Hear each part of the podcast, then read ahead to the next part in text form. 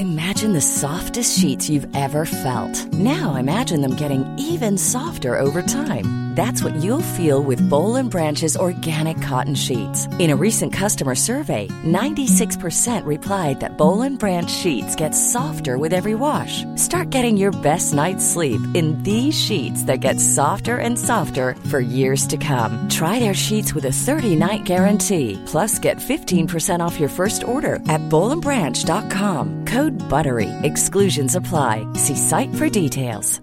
Jewelry isn't a gift you give just once. It's a way to remind your loved one of a beautiful moment every time they see it. Blue Nile can help you find the gift that says how you feel and says it beautifully with expert guidance and a wide assortment of jewelry of the highest quality at the best price. Go to BlueNile.com and experience the convenience of shopping Blue Nile, the original online jeweler since 1999. That's BlueNile.com to find the perfect jewelry gift for any occasion. BlueNile.com. Vi är sponsrade av Länsförsäkringar. Det är vi. Eh, jag har ju ett eh, problem i livet och det är ju att jag eh, rent ekonomiskt är något av en fuck-up. Jag både tjänar för lite pengar och jag gör av med för mycket pengar. Och det finns ingen framförhållning, det finns inget sparande till mig själv, det finns ingen pensionsgrej som är så många eh, som lyssnar skulle sätta eh, kaffet i, i vrångstrupen. Eh, när de förstår Ja, de gör det nu. Ja, när de förstår hur illa ställt det faktiskt är. Däremot så har jag lovat mig själv att jag ska inte låta den här ekonomiska fuck-uppigheten, som jag kallar den, föras över på mina barn. Eh, this ends now, har jag sagt. Och drag, dragit ett streck i eh, marken Bra. med kolkrita. Eh, tatuerat in ett streck har jag gjort. Eh, och därför så sparar jag till barnen varje månad. Och vi har ett system, jag och Li, att Li sätter in pengar på ett konto varje månad och jag sätter in pengar på ett annat konto varje månad. Livet är föränderligt, löften bryts men Länsförsäkringar finns där för alltid och kan hjälpa till då bland annat med Barnspar. Vi tackar Länsförsäkringar för att ni hjälper Nisse och andra att hålla sina löften. Och eh, glöm då inte att Länsförsäkringar kan alltså hjälpa dig med bank, pension och försäkring. Tack så mycket!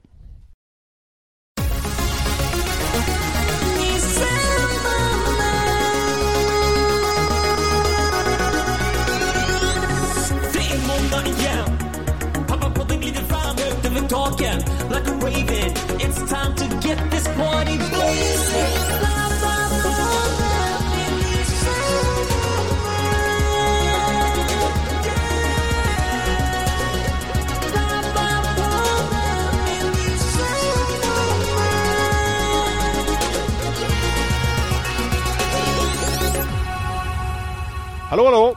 Varmt välkomna ska ni vara till avsnitt nummer 567 av Pappapodden 67 är ett sånt här mytomspunnet eh, eh, tal om man gillar Ulf Lundell eh, För han gjorde ju den här eh, 67, 67, vad har du tagit vägen nu? Och sen så gjorde ju något punkband gjorde ju 77 Och sen så gjorde ju just det gjorde ju 87, 87, vad har du tagit vägen nu? Vad kunde gå jag visste snett? Vad kunde gå galet? Eh, när man, när man eh, taggar hem med en 40-taggare på Hotell Malmen. Ja. Det var ju liksom stort då på... man hörde, de, det, är väl bara den här tiden på året som de aktualiseras lite eh, Annars är de rätt döda just det Ja men jag brukar aktualisera dem ganska ofta och då brukar du kräkas när jag, när jag citerar den där textraden ur eh, Vart tog den söta lilla flickan vägen? Eh, Ja, men, ja precis. Eh, alltså, det, ja, det är verkligen Jag tänker inte göra det idag för jag vill inte att Det är för att du tycker den är så jävla rolig. Sist gjorde du så bara Haha den är så jävla rolig. Men Mm. sen så eh, ändrade du lite så att, att det var liksom Att du tog upp den som samhällskritik. Eh, ja, ja eh, kanske, ja, det gjorde jag för att rädda mitt eget skinn. Eh, Exakt. vet du vad en bra grej med att ha skilt sig kom jag på häromdagen? Ehm, Att du eh, Ja, att eh, ingen håller på att tjafsa med din eh, kökslåda och Mhm. att du kan röka cigaretter inomhus Ja, det är ju, är i och för sig, point, verkligen viktiga två poänger. Eh, men eh, topp tre, eller eh, trea på den listan, Ja, så är det att för att det var som att jag och Li kom in i liksom så här gamla julspår, för vi började prata om vad barnen ska få i julklapp. Eh, och Ja. sådär. Och då var det som att vi började diskutera som att vi fortfarande var gifta. Alltså så här, ja men tycker du verkligen det? Men jag tycker väl inte att det är där och så här, ja men det, la la la. Alltså du vet man hade liksom en diskussion typ. Och sen så kom Mm. Li på, briljant, hon bara, men hörru Vi kan ju bara, du kan väl köpa vad du vill så köper jag vad jag vill. Jag bara Ja, varför pratar vi ens om det här? Så då gjorde vi istället då en eh, budget. För det är ju taskigt om den ena typ köper för 23 000 och den andra för 5 öre och ett snöre.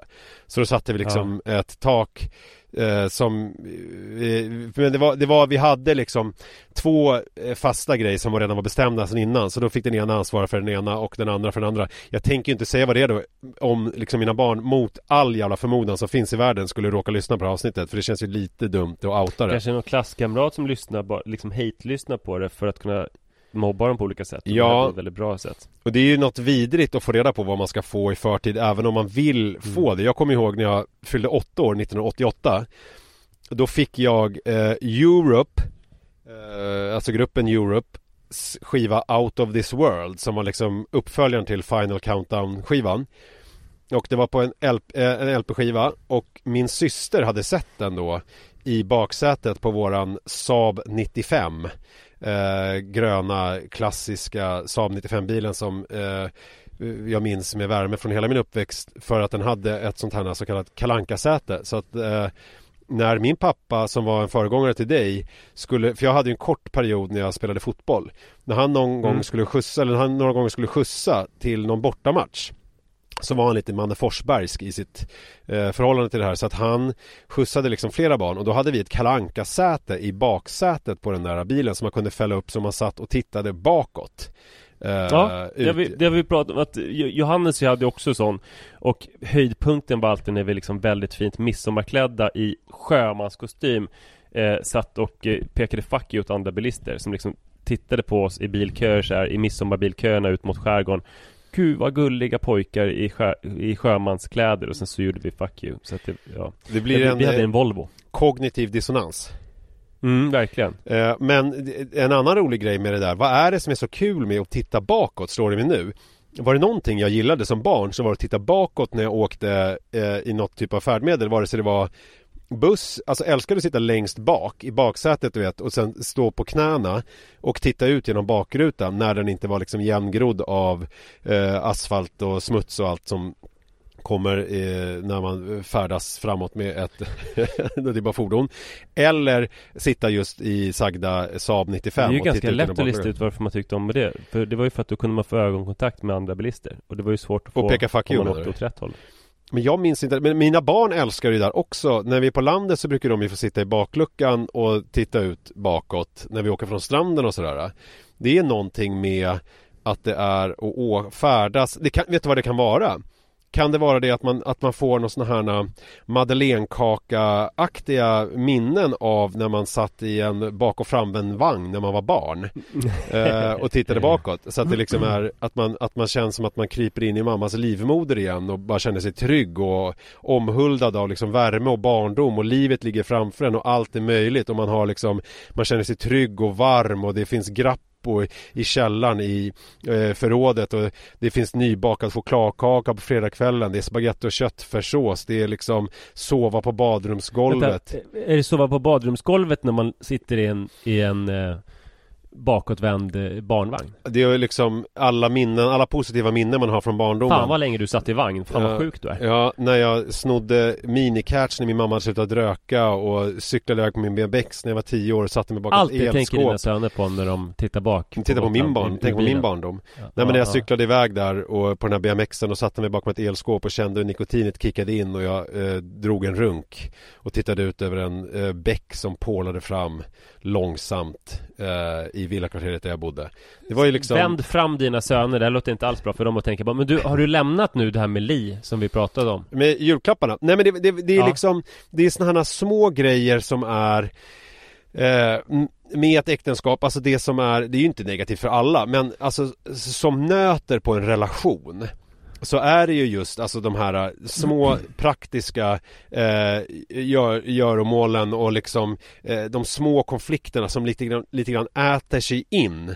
För jag upplever att min och Lis relation är ju alltså på många sätt mycket, mycket bättre nu än när vi var gifta för att vi slipper allt det där vardagsgrollet och allt det där som ger upphov till olika diskussioner och där vi är liksom olika som personer eh, och liksom har lite svårt att mötas. Men däremot så kan vi mötas i bara som när Manne fyllde år häromkvällen eller häromveckan då eh, var Li över på middag Det var jävligt intressant för att eh, Li föreslog att hon skulle komma och vara med och uppvakta honom på morgonen eh, Ja. Nu känner jag mig så här, har jag berättat det här i podden eller har jag liksom, då får du avbryta mig. Du vet, du vet ju hur jag är, att jag kan ibland berätta Mm. saker flera gånger för att jag är, är så. Men då i alla fall så föreslog vi det och då, hans reaktion var då, nej fy fan vad cringe, ni är ju inte ens sin löv. Alltså vad fan ska hon hit och göra? Eh, Mhm. Jag kan käka sushi med henne i centrum efter skolan. Men då fick vi det ändå till att hon fick komma, följa med honom hem efter att de hade varit i centrum och shoppat lite och köpt sushi och komma hem till oss och äta sushi. Men då sa han att kan inte jag få äta på mitt rum? Det är min födelsedag.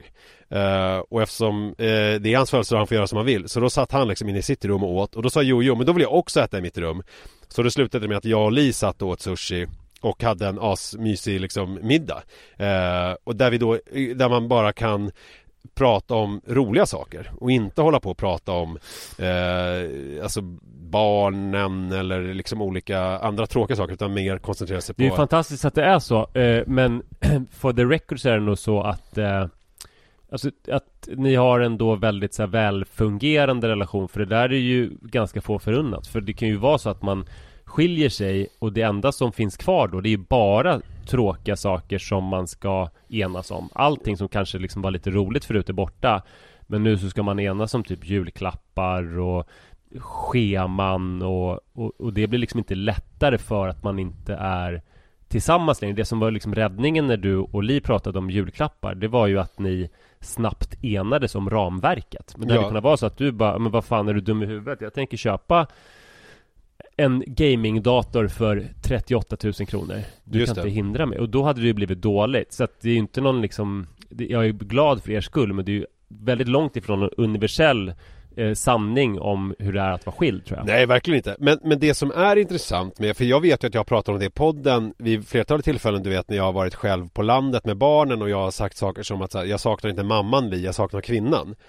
Eh, Ja. Och att det är som att vi är perfect match när det gäller liksom eh, på vissa plan, men på andra plan så är vi eh, en mismatch. Och i vårat fall så är ju liksom mismatch-grejen är ju själva familjeprylen. Förstår du vad jag menar? Att det, där är vi ju inte... Du skulle aldrig ha skaffat barn. Eh, Vi skulle, ja, men vi skulle liksom Ja, eller så skulle vi det och att det här är jättebra att det blev så här. Men det, jag tycker att det är ganska intressant att man liksom har, det man har gemensamt är liksom inte att man har barnen och familjen ihop utan det är någonting annat som man har gemensamt. Eh, det. det är ju väldigt fascinerande faktiskt. Eh, att man skiljer Ja. sig från själva familjegrejen men har kvar eh, och då kan man hitta tillbaks till någonting annat. Och så har jag sagt det här till några kompisar då. Ja, men det kanske- går ju tyvärr inte att, frigöra sig från, alltså ni måste ha liksom presentdiskussion och sådär Ja fast man kan ju, Och alltså jag upplever ju att det är mannens rum och vaka Ja fast jag upplever att det är väldigt vattentäta skott mellan våra veckor Alltså vi hörs ju knappt i veckorna när vi har barnen eh, Utan Nej. liksom Och, och jag, jag har ju märkt att jag menar för att det, att det nu har utkristalliserat sig verkligen att, det, att vi är typ helt olika. När, För att barnen kom ju till mig igår eh, Och då brukar jag alltid göra kebab För det tycker de om, kebab med ris och så här med kebabsås och allt sånt där. Och Här är då- någonting som du har berättat mycket om nyligen. Jo men och Mm. då är ju de väldigt sådär Eh, för jag, då säger jag att de ska komma och sätta sig vid bordet Och sen så efter Ja, liksom Men det här har du, ber- det här har du berättat Jo, men och sen det, så- det här är en pappa story du, Ja. du bad mig säga till om det är någonting Ja men har jag också berättat hur de säger att, det är hos de Li? Vad sa du? Har jag också berättat hur de säger att det är hos Li? Ja, ja precis, att Ja. där var det annat, att där, ja, ja exakt, exakt Ja, men det är så slående att varje gång att de är så här "Ah, hos mamma då, då, då äter vi aldrig middag Då är det liksom eh, Att det verkligen är så här att det är helt olika regler och lagar. Och att jag Jag hade, har ju, hade ju så här jättemysigt varje morgon att vi satt och kollade på julkalendern. Och så frågade jag så här, men gud hur har det gått i julkalendern? Jag har inte tittat, jag är assugen. De bara, ja julkalendern, ja, det har vi inte sett alls. Det vet jag inte. Och det där är ju väldigt spännande tycker jag hur det kan bli Att man, när man då skiljs åt så blir det så tydligt hur olika man är på vissa plan. Och att det då kan Vad tror liksom, du Li frågar om då, som, du, som de inte har gjort hos dig? Alltså eh, har han eh, hållit sig nykter? Röker han i era sängar? Eh, ja. ja. ja, det är väl mycket sådana frågor tror jag eh, Liksom att det är, får ni, får ni kläder? Eh, får, nej jag vet inte, jag, vet, jag har ingen aning om vad hon eh, jag, Li, jag tror faktiskt inte att Li är som person så är hon inte så jättenyfiken. Alltså jag är ju väldigt nyfiken på hur de har och hur det är hos dem. Jag tror att hon skiter i ganska mycket. För det är liksom hennes, mer i linje med hennes personlighet. Jag är ju mer, eh, jag är ju mer nyfiken på sådana där saker och vill ju veta mer. Och det är ju mest jag som textar och frågar om olika saker. Hon eh, eh gör ju inte det alls i samma utsträckning. Eller till exempel skickar en gullig bild om jag tycker att Jojo eller Manne gör någonting gulligt. Det får jag aldrig. Jag fick ju typ tjata i eh, alltså ett antal sms för att få lite bilder från Lucia-firandet på Jojo skola som jag inte kunde närvara vid. Fick jag till slut Mm. en bild när han hade en stjärngosse-hatt på sig. Men eh, den satt långt inne. Men så är det. Jag är nöjd ändå. Ja, Mm. eh, eh, sött och surt Ja, verkligen.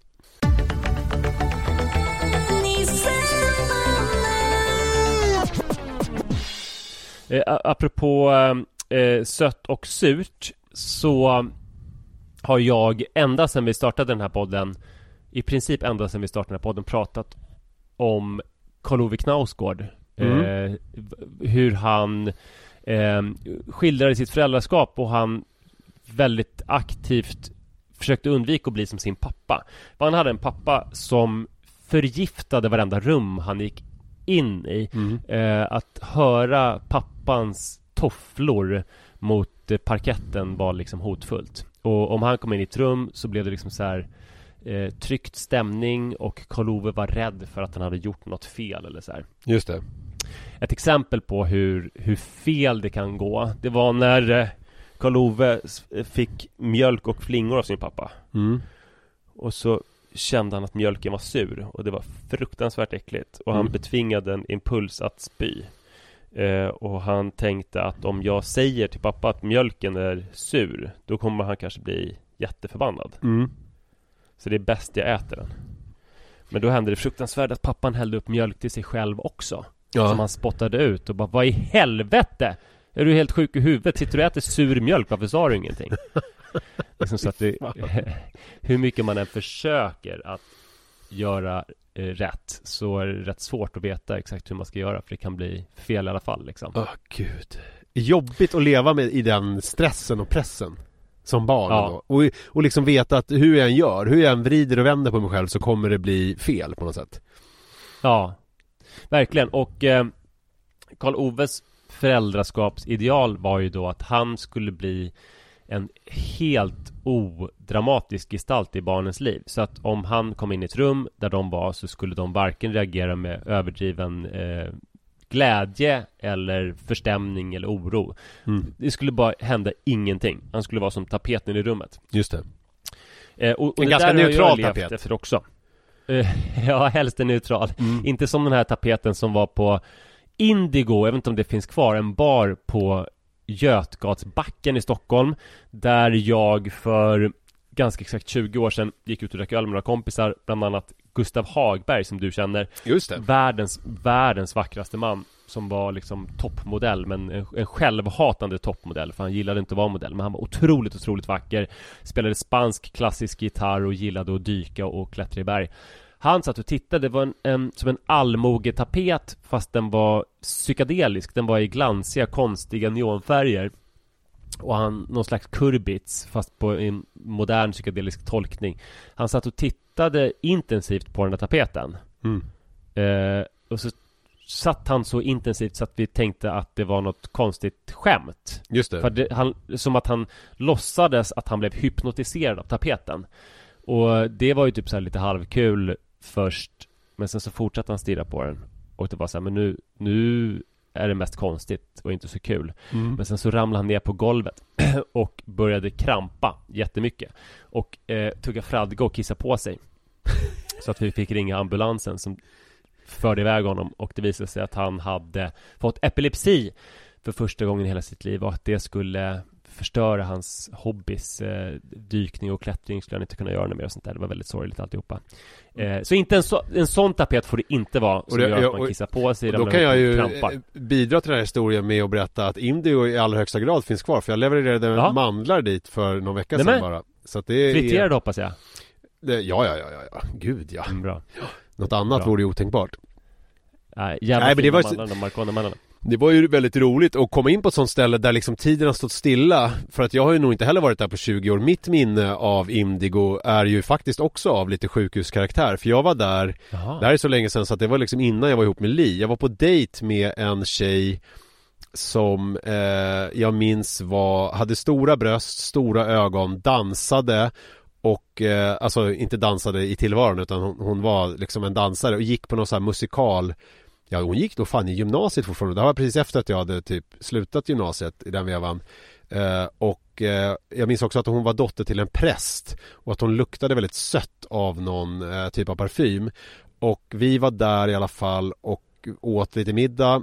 Och jag beställde vitlöksbröd för jag åt någon soppa och jag fick avbryta dejten tämligen omgående för att det var valnötsbröd. Så jag var tvungen Ja, att uppsöka en akutmottagning och ta en sån här adrenalinspruta Som ju liksom lite grann har följt mig ju, med, med, i dejter Eftersom jag eh, ju i vintras var på en dejt som också slutade på akuten där ju. Mm. När jag eh, fick, också fick ta adrenalin eh, och så. Så det är ju eh, något som brukar hända mig i eh, kärlekssammanhang. Eh, Och Indigo uppenbarligen har gett upphov till många sjukdomsfall. Ja, verkar så. Mm. Tapeter.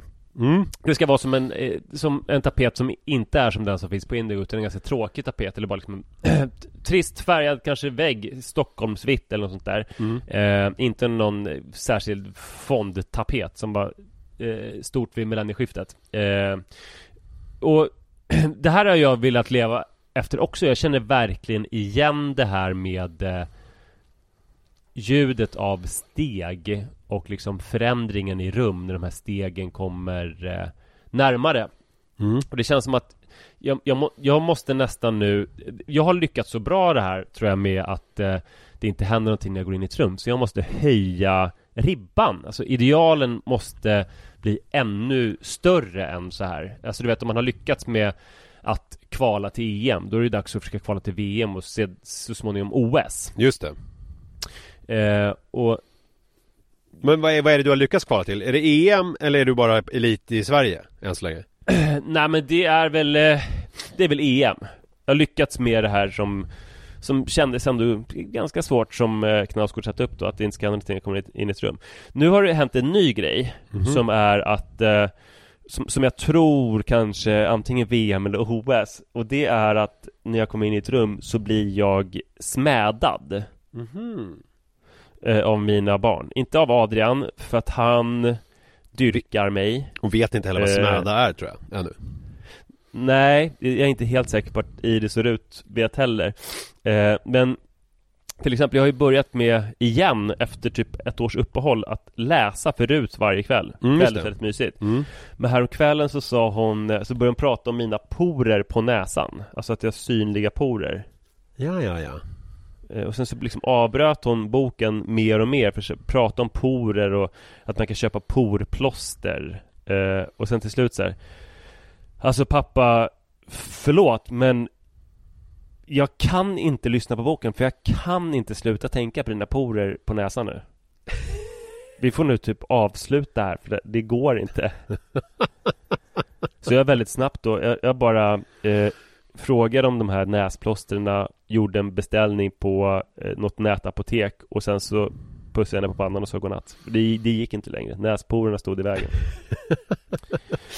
Eh, Och sen Iris då, hon kan säga så här Hon kan ligga i soffan och så kommer jag in i ett rum. Det händer ju ingenting när jag kommer in i rummet. Däremot så kan det hända någonting när jag Tilltalar henne. Jag kanske liksom frågar någonting eller jag berättar någonting eller så. Och Mm. då kan hon Säga så här eh, Pappa kan inte bara du vara tyst nu?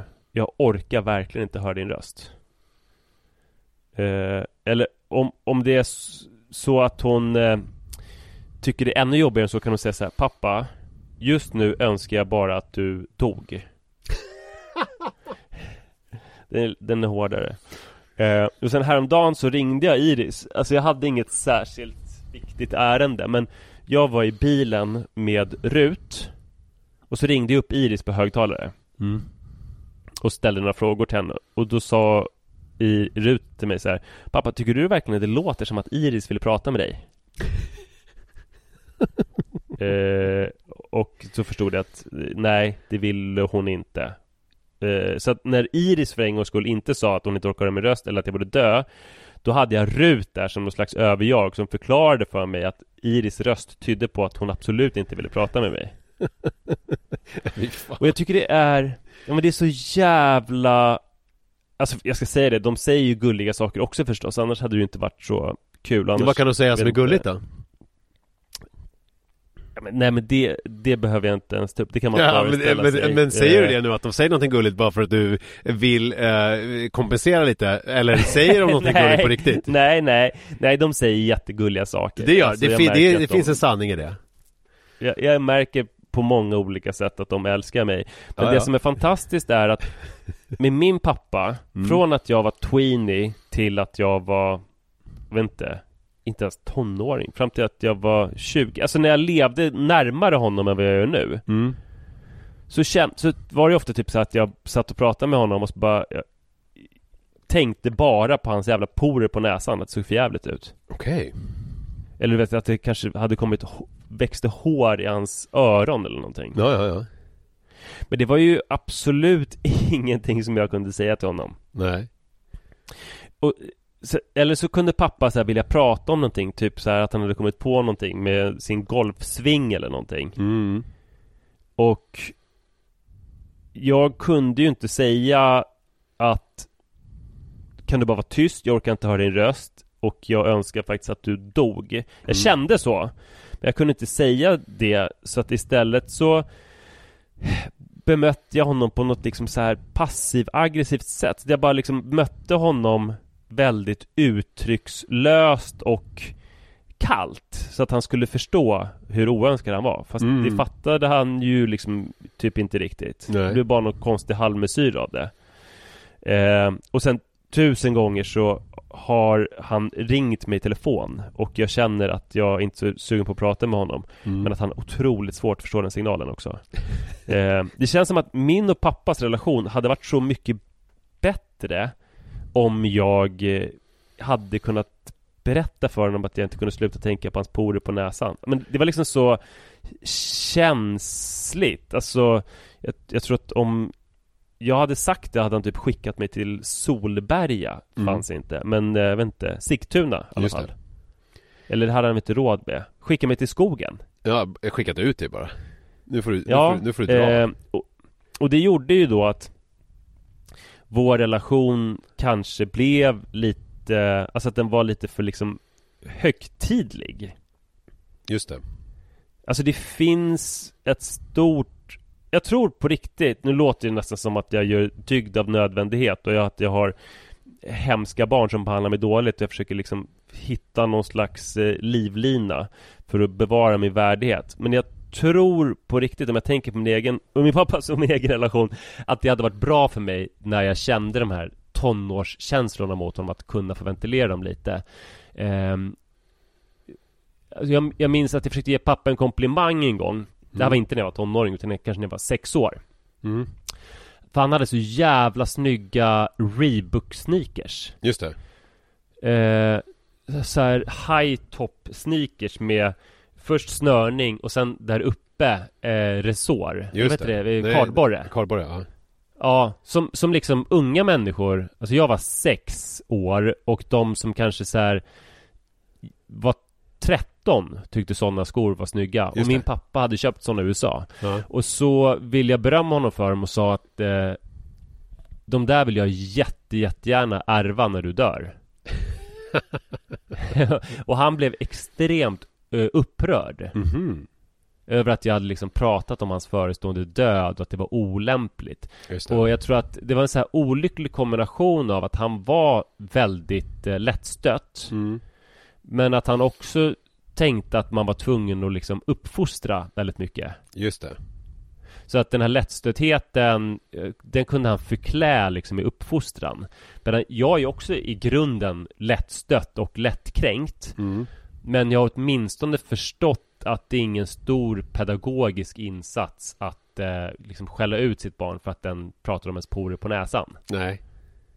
Eh, alltså jag förstår att Rut skiljer på mig och typ sina kompisar eller Hon kommer liksom inte säga till sin lärarinna Lisa att du har hår i öronen eller alltså hon, hon, hon fattar att man inte kan prata så med vem som helst. Men jag har tänkt mycket på det där finns med inget- För Manne är ju väldigt tonårig också nu och bara du vet Vi har Ja. inte setts på en vecka och han kommer hem och muttrar och är liksom bara Men jag skulle säga I brist på bättre eh, adjektiv Alltså otrevlig eh, Och då Ja. kan jag tycka så här att eh, Typ om jag har lagat mat och jag kommer hem och sen så har jag lagat middag och det är första kvällen Då är det ju Då tycker jag ju att man kan liksom Då behöver man inte bara eh, typ vara rakt igenom sur. Då tycker jag ändå typ så här att man kan bjuda till lite grann. Så att jag, det är lite en balansgång att jag, att jag, för det går då fick jag liksom lite så här, men vad fan, kan du inte liksom så försöka lite i alla fall?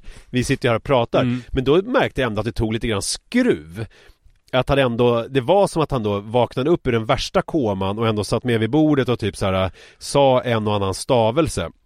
För Jojo är på en väldigt bra plats just nu så han är lite mer sprudlande och berättar olika saker och är så här eh, lite mer vanlig och härlig. Medan Manne är mest sitter och muttrar.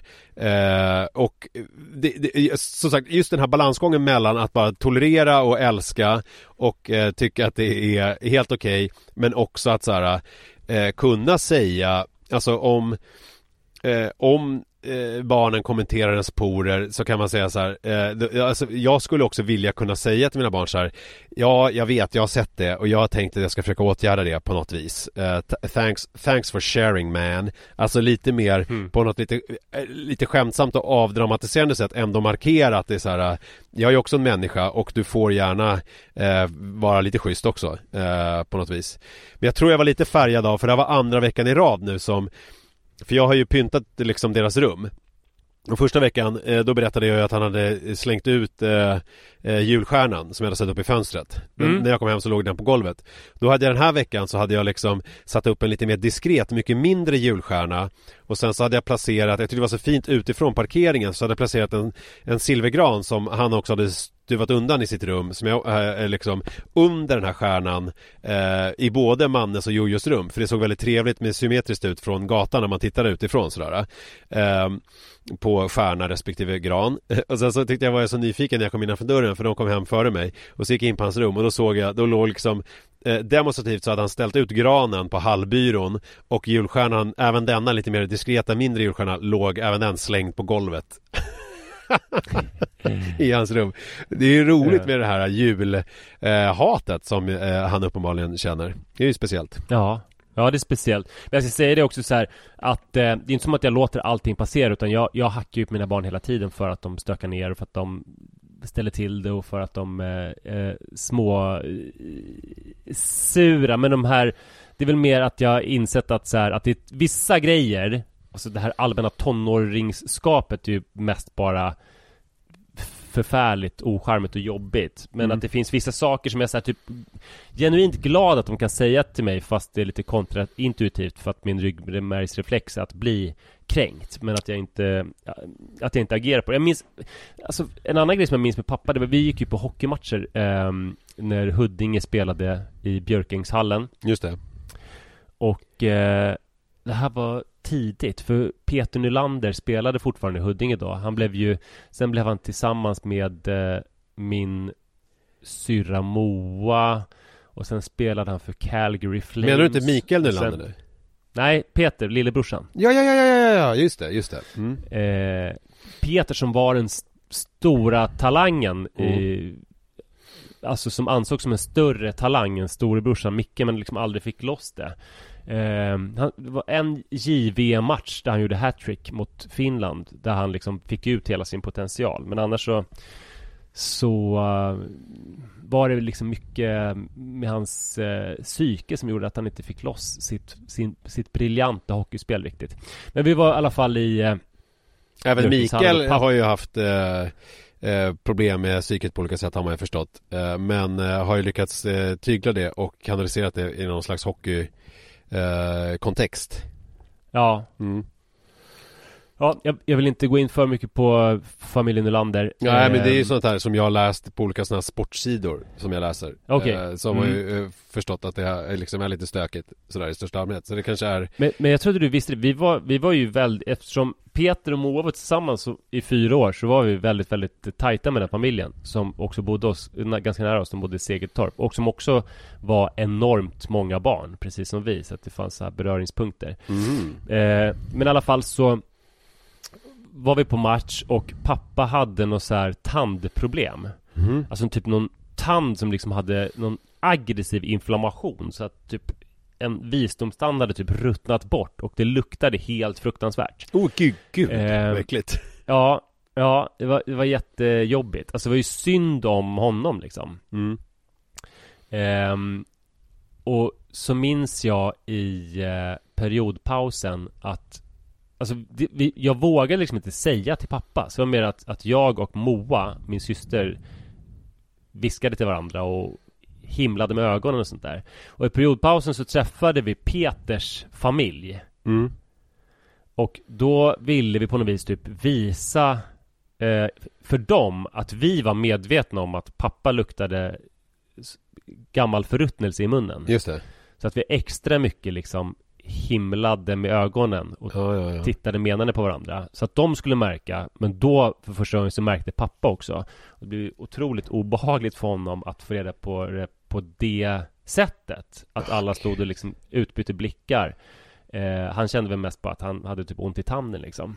Ah. eh, Så att det blev så mycket värre än, än om man hade haft en relation där man bara kunde bara så här Pappa stackars dig, eller ja, stackars dig hade vi inte i det så utsagt De hade sagt så här, pappa du luktar helt sjukt äckligt i munnen Kan du gå och typ så här Skölja den eller göra någonting eller försvinna härifrån Uppsök eh, vården Det hade varit bättre mm. eh, Och det är bättre om man kan säga att den här mjölken smakar surt Just det Eh, så att det är numera Nisse eh, OS-nivå som gäller. Vi, Ja. vi ska inte nöja oss med någonting mindre. Eh, om barnen inte kan sluta tänka på ens porer i näsan så har man lyckats med sitt föräldraskap och jag känner att nu har jag lyckats. Jag har tagit mig hela vägen.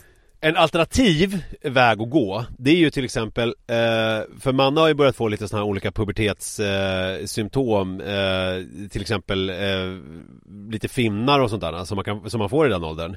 Om jag då skulle bli äcklad av dem. Du, jag är otroligt, skulle du kunna gå från matbordet? För att det, jag kan inte fokusera på något annat än, än de där tre finnarna du har i pannan. Alltså det är Ja. fruktansvärt obehagligt. Jag vill gärna att du eh, går härifrån En annan grej som slår mig i din berättelse Det är en kompis till mig fick en ny kollega på jobbet här häromveckan Och eh, den personen i fråga eh, luktar väldigt mycket svett eh, Och Alltså du fick, det är en ny kollega till dig? Nej, en kompis till mig fick en ny kollega Okej, ja. Eh, och eh, har ju då diskuterat huruvida eh, hen ska ta upp det här Liksom på Ja. något vis. Det är en ny kollega och liksom hur ska man göra i de där lägena när det liksom är Dels så är det ju eh, obehagligt för personen i fråga Men det är ju också jobbigt om den här andra personen då som går runt och eh, luktar svett inte är medveten om det och sen så pratar alla andra på kontoret om det att det liksom är att eh,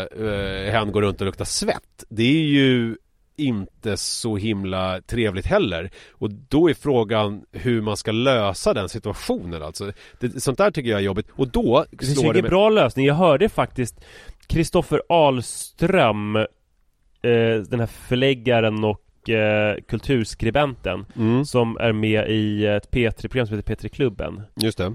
Han berättade om att han hade jobbat på någon tidningsredaktion När han var typ 20 Han var lika gammal som vi Mm. Och blivit uppkallad till en chef som berättade att han behövde Tvätta sig på ett annat sätt för att han luktade för mycket svett. Och Han Har liksom inte hämtat sig efter det 20 år senare utan hatar henne Och Tycker liksom Att hon borde gjort på något sätt som var mindre förnedrande.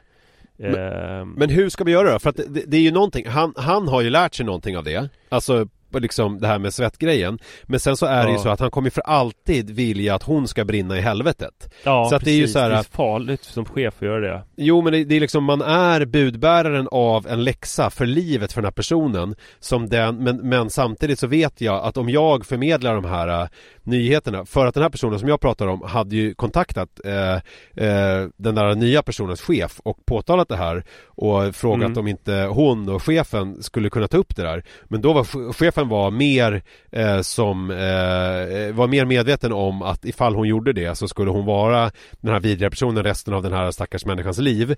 Eh, Så att hon har ju sagt så här, nej nej nej, det, det klarar inte jag av Och samtidigt så är det ju såklart chefen som ska göra de här jobbigaste grejerna. Det ska inte hon, hon, ska, hon kan inte i alla fall lägga det på sina anställda. Nej, men det var det, Ehm. vid slutklämmen på det här resonemanget som jag har nu Det är ju att om man då har en sån här skön relation som eh, du har till dina barn Så skulle det här Mm. aldrig hända För de skulle ju Nej. påtala det här mycket tidigare Att pappa, du kan ju Mm. fan inte gå ut sådär, du luktar ju som en jävla apa jag vill inte ens Ja. vara i samma liksom härrad som du, du måste göra någonting åt det här. Och hellre att man får höra det av liksom Jag menar, jag tänker din pappa i den situationen i hockeyn. Det bästa hade ju varit Ja. om du hade sagt hemma, att ni hade den relationen, att du kunde säga hemma Pappa, vi ska gå på hockey nu, det känns jättekul men du, helt ärligt, du stinker ju i munnen. Du måste ju fixa det där, Ja. du, kan ju inte, du kan inte lukta sådär om vi ska gå ut.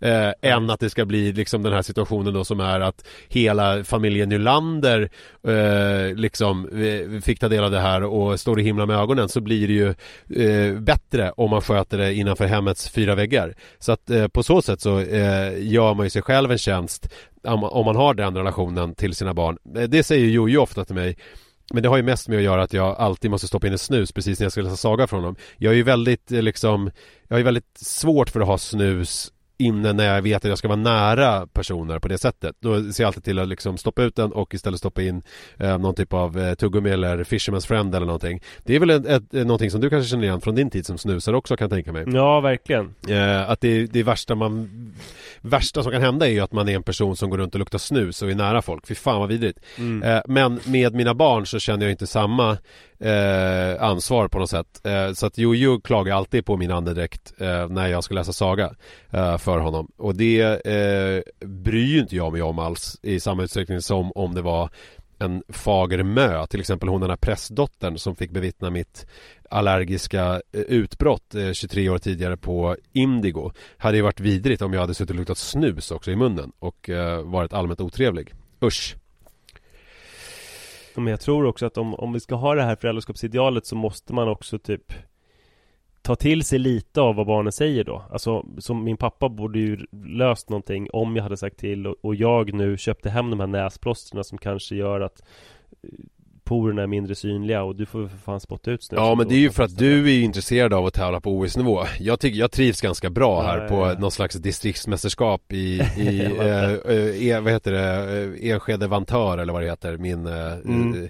Eh, där jag delar världen. Eh, Eller Farsta kanske, en Mm. egen stadsdelsnämnd förresten. Jag bor ju i Farsta helt enkelt. Så det är, vi, i Farsta, jag är rätt nöjd med att vara topp 100 bästa papporna i typ eh, på Östermarksgatan i Farsta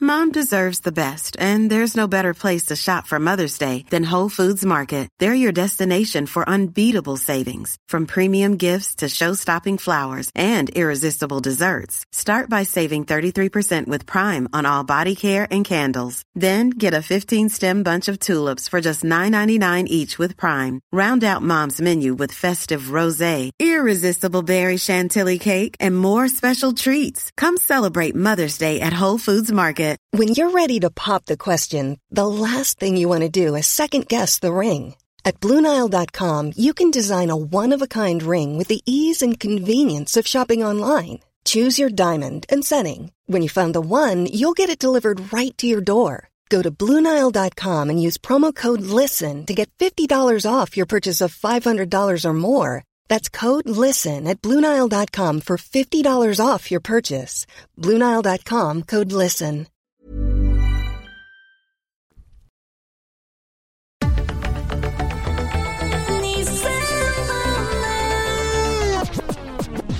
Hörru du, en annan eh, sak som har slagit mig i mitt eh, liv eh, nu eh, är eh, Alltså nu när man har varit, när jag var, var, liksom inlett liksom nya relationer, både liksom vänskapliga men också liksom kärleksmässiga och eh, eh, träffat massa olika människor sådär. Så har det en, en sak som eh, en sentens som liksom sägs väldigt ofta men som aldrig riktigt har eh, Eh, liksom, det har inte liksom finns någon riktig klangbotten i mig när jag hört den yttras. Jag har mer sagt den av liksom eh, gammal vana och av någon slags dekorum. Att det är så här, det är så här det är, det är så här det ska vara. Det är att man ska liksom älska folk för, för, för den de är. Alltså eh, om du förstår vad jag menar att det liksom är eh, om, man, om man tycker om en person så ska man tycka om hi, den personen för, det, för de egenskaper de har. Man ska liksom inte projicera massa egna saker på den. Eh, Nej, eller, eller se det som att jag ska förändra den eller göra den till den här personen som jag hoppas att den ska vara så. Precis, alltså att lite grann som att köpa typ en Eh, man köper en, en eh, grön manchesterkostym men egentligen vill man ha en eh, grå flanellkostym. Och så liksom... Ja, eller man köper en Emma-fåtölj fast man klär om den och eh, byter ut stolsbenen och sådär. Just det. Att det ser ut som något helt annat. För att ofta så upplever jag att eh, att, att det här, att så här är fallet nu när jag liksom jag pratar med olika människor eh, när de träffar folk och sådär att det tämligen ofta ändå blir så att man träffar någon och sen så har man någon typ av den här förälskelsefasen när, som vi har pratat om här i podden också, när man mest speglar sig själv i den andra på något vis. Alltså att man Mm. liksom, att man blir en förhöjd version av sig själv genom att man ser sig själv med den andras ögon. Men sen så när det här lägger sig lite grann så märker man att personen i fråga kanske inte riktigt är så som man har tänkt sig eller att det liksom är någonting annat. Och då så vidtar någon typ av eh, åtgärdsprogram där man då ska försöka förändra den andra. Och det, det behöver inte alltid betyda att man säger rakt ut jag vill att du förändrar utan det kan vara så här små saker som att så här gud vad konstigt du har eh, möblerat. Eller det kan vara liksom så här eh, men måste du prata sådär mycket? Eller typ såhär gud Gud vad lustigt att du eh, tänker på det där sättet. Eller gud vad liksom Det där känner jag inte alls igen, gud vad märkligt. Att man då istället, eh, men sen så tänker man att personen i fråga ska vara som en själv på något sätt. Eh, Och att det här bara är någon slags tillfällig eh, sinnesförvirring hos vederbörande. Men att den snart kommer liksom eh, bli eh, till den här personen som man då tänker sig att den är. Eh, fast egentligen då inte är då en en omklädd Emma-fåtölj med nya ben eller vad man nu försöker göra eller en då eh, grå flanellkostym utan det är liksom en grön manchesterkostym Men sen så väger man att inse Vad har det du, har, alltså, är det så att du har eh, tänkt så att det är tillfällig sinnesförvirring? Ja, jag- jag har ju- tänker jag har ju folk upplevt- som dig? upplevt både och. Alltså jag kan säga i Mm. våras precis efter eh, liksom när, eh, eller i vintras ska jag säga precis efter liksom att när jag, när jag började dejta hejvilt Då var det ju egentligen Alltså då var det ju jättemycket folk som jag dejtade men jag tänkte ju inte överhuvudtaget egentligen nu när jag tänker efter på hur de var som personer. Utan det var ju mer jag som bara röjde runt. Och sen så så fort de eh, gjorde någonting som jag tyckte var märkligt eller liksom hade en åsikt som jag tyckte var konstig eller liksom eh, att de eh, umgicks med folk som jag typ så här, inte fördrog eller inte förstod mig på så var det som att jag förutsatte att de skulle typ eh, förstå när jag sa så här, men, men vadå, den där personen kan du inte umgås med. Eh, han är ju asoskön eller vad det nu kan vara.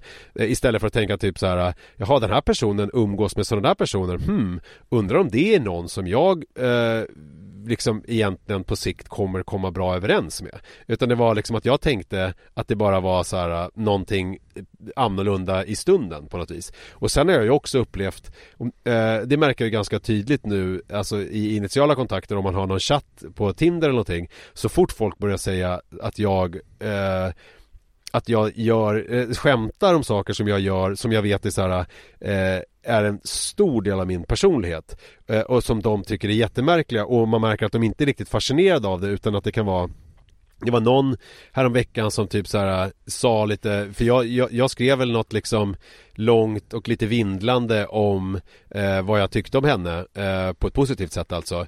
Och då svarade hon typ så här God too many words. Och då kände jag ju så här, eh, då kände jag ju att det här är liksom ingenting eh, som är någonting för mig. Utan om jag då tidigare i, i vintras då då hade jag, jag typ så här, åh gud förlåt, ja men jag är alltid så här, jag pratar så mycket. Eller någonting sånt. Och försökt ursäkta mig själv istället för att jag nu tänker jag ju så här, jaha den här personen verkar inte gilla folk som eh, vindlande beskriver olika saker. Då kanske inte det är någon som jag ska träffa vidare. Jag ska nog inte försöka övertyga den om att träffa mig i alla fall. Utan då säger jag bara så här, då säger jag bara okej eh, vi kommer nog inte funka så bra ihop. Och sen så tar jag bort dem så att man liksom eh, Och det här är ju intressant experiment för att Frågan är ju liksom hur stora skillnader man kan överbrygga För att jag tror i alla fall de som jag har varit tillsammans med, vilket inte är så många Har ju funnits vissa grejer som är väldigt lika men vissa grejer som är otroligt, otroligt olika. Ja. Men jag tror att det, det är väl någonting är Om man är medveten om de här olikheterna och att man ändå känner att man kan fördra personen. Alltså ett sånt, ett bra sätt att göra är ju helt enkelt att göra liksom en lista.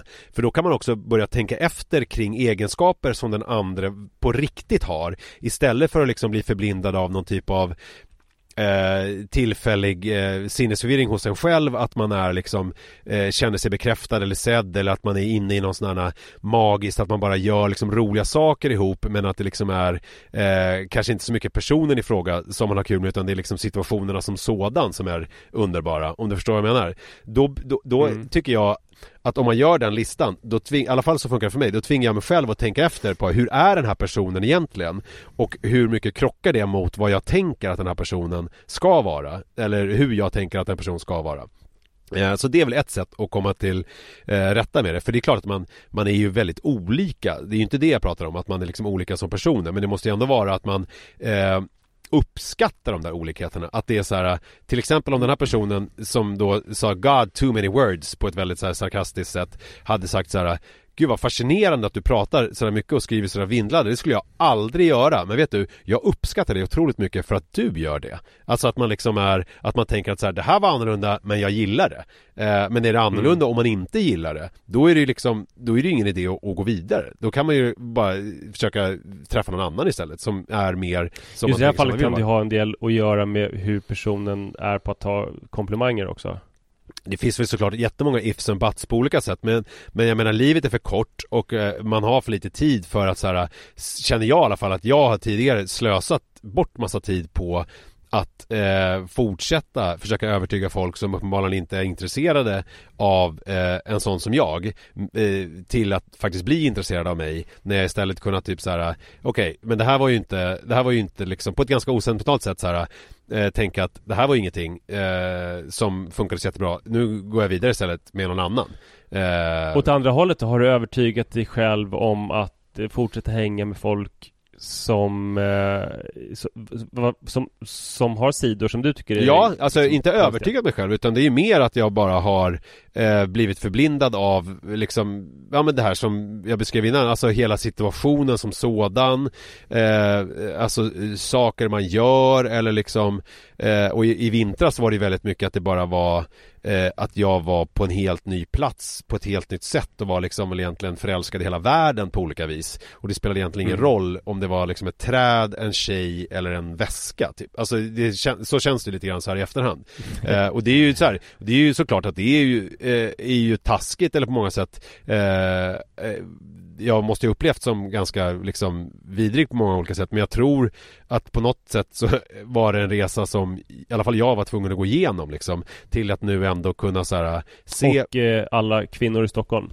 Ja precis med dig. Nej men eh, jag skulle säga en 23 procent mm. ungefär Fler är det faktiskt inte Nej men så att. Eh, alltså själva eh, kontentan blir väl just det här att man verkligen ska försöka se när man är som mest förblindad av situationer och tillvarons allmänna magi försöka faktiskt se personen eh, eh, som man har framför sig eh, och dens egenskaper och tänka så här är, är det här någonting eh, som är någonting på riktigt eller är det bara liksom någon slags tillfällig eh, förälskelse, sinnesförvirring eh, som har gjort att jag har hamnat i det här eh, mentala tillståndet så att säga.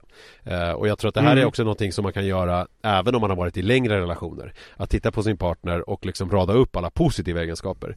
Eh, och, Men, eh, men du har ju någon slags levnadsregel numera som, som kanske är bra i det här att så här, Man ska ha kul. För jag tänker att eh, Om jag tänker baka på mitt digra datingliv så var det ju att eh, Man kan ha väldigt, väldigt kul Med någon som Alltså det är så stora klyftor mellan en och den har så konstiga saker för sig Så det finns liksom inte på världskartan att det skulle bli någonting mer seriöst. Ja, man kanske har jättekul i alla fall Alltså fast personen så här har åsikter som man i princip tycker är oförlåtliga så kanske man har världens bästa sex och där och då, alltså det kan man väl fortsätta med och personen kanske dissar en stenhårt när man skickar något sms om hur underbart det där sexet var. Just det. Den tycker att det var too many words liksom. Just det.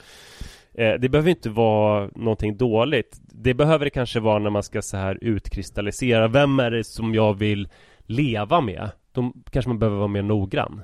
Ja.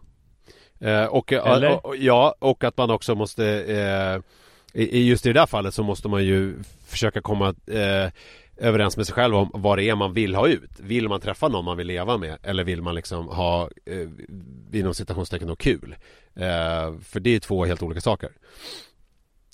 Jo. Men, ja, precis. Men, men det du beskriver, ja precis. Du, du beskriver mer hur man ska agera om man vill fortsätta på ett lite mer eh, utforskande sätt. Att man tänker att det ska leda fram till någonting större och mer. Ja fast jag tycker också att det är viktigt att eh, försöka komma fram till i sig själv Är det här någonting som är bara just nu som är kul eller är det någonting som eh, jag vill ska bli någonting långsiktigt? För det tyckte jag, i alla fall i mitt fall så var ju det problemet i våras att det liksom allt blev helt uppsnurrat i huvudet. Eh, vad är det liksom, vad är det jag håller på med, vad är det jag vill? Och det är väl det är väl nog så nyttigt och det är väl det man kanske kommer fram till om man gör de där listorna som jag pratar om. Eh, om man då kommer fram till så här jättebra på att suga men är nazist. Eh, då kan man ju liksom tänka att det kanske är lite mer tillfälligt, i alla fall i mitt fall då, än eh, om det är, man tänker sig att det ska vara en långsiktig partner. Eh, om man ska hårdra det lite, om du förstår vad jag menar. Just det. Mm. Eller jättehärlig att hänga med men dissar mina poetiska sms. Ja, men frågan är om en person som dissar på ett Alltså man kan ju dissa på ett kärleksfullt sätt. Eller så kan man ju dissa eh, på ett liksom så här där man känner så här, men gud du är så sjuk i huvudet. Fy fan. Alltså då är det så här, men då har man ju inte så kul överhuvudtaget. Det ska ändå, Man ska ändå Nej. känna sig lite uppskattad. Eh, Annars är det inte så kul. Nej. Ja eh, Detta om detta Manne Forsberg. Så sammanfattningsvis, man ska ha, man, det ska vara, man ska ha kul. Japp Eh, och nu vill jag bara avslutningsvis säga det att nästa vecka då kommer vi göra värsta julfrågespecialen Hur kul? Eh, Är det nästa vecka? Det tror jag inte. Nähä. Utan jag tror det är om några veckor. Jaha. Så håll ut. Ja, ja, men eh, det blir en frågespecial snart i alla fall eh, ja. Ja. vi ska spela in den nu, så det blir Men, men eh, inte nästa vecka. Så är det Det är våra, alltså jag tycker vi har tillräckligt kul för att vi ska kunna fortsätta podda tillsammans fast vi har så olika åsikter om här avsnittet ska släppas. Just det, det är väl jättebra att vi har det Att vi kan det Hej då hörni! Hej då!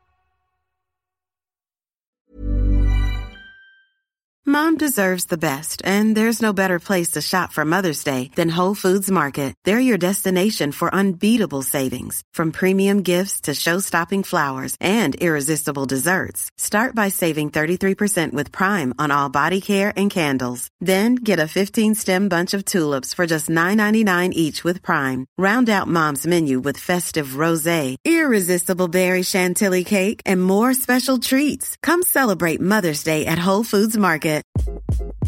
Hi, this is Craig Robinson from Ways to Win, and support for this podcast comes from Invesco QQQ, the official ETF of the NCAA. Invesco QQQ is proud to sponsor this episode and even prouder to provide access to innovation for the last 25 years. Basketball has had innovations over the years too. We're seeing the game played in new ways every day.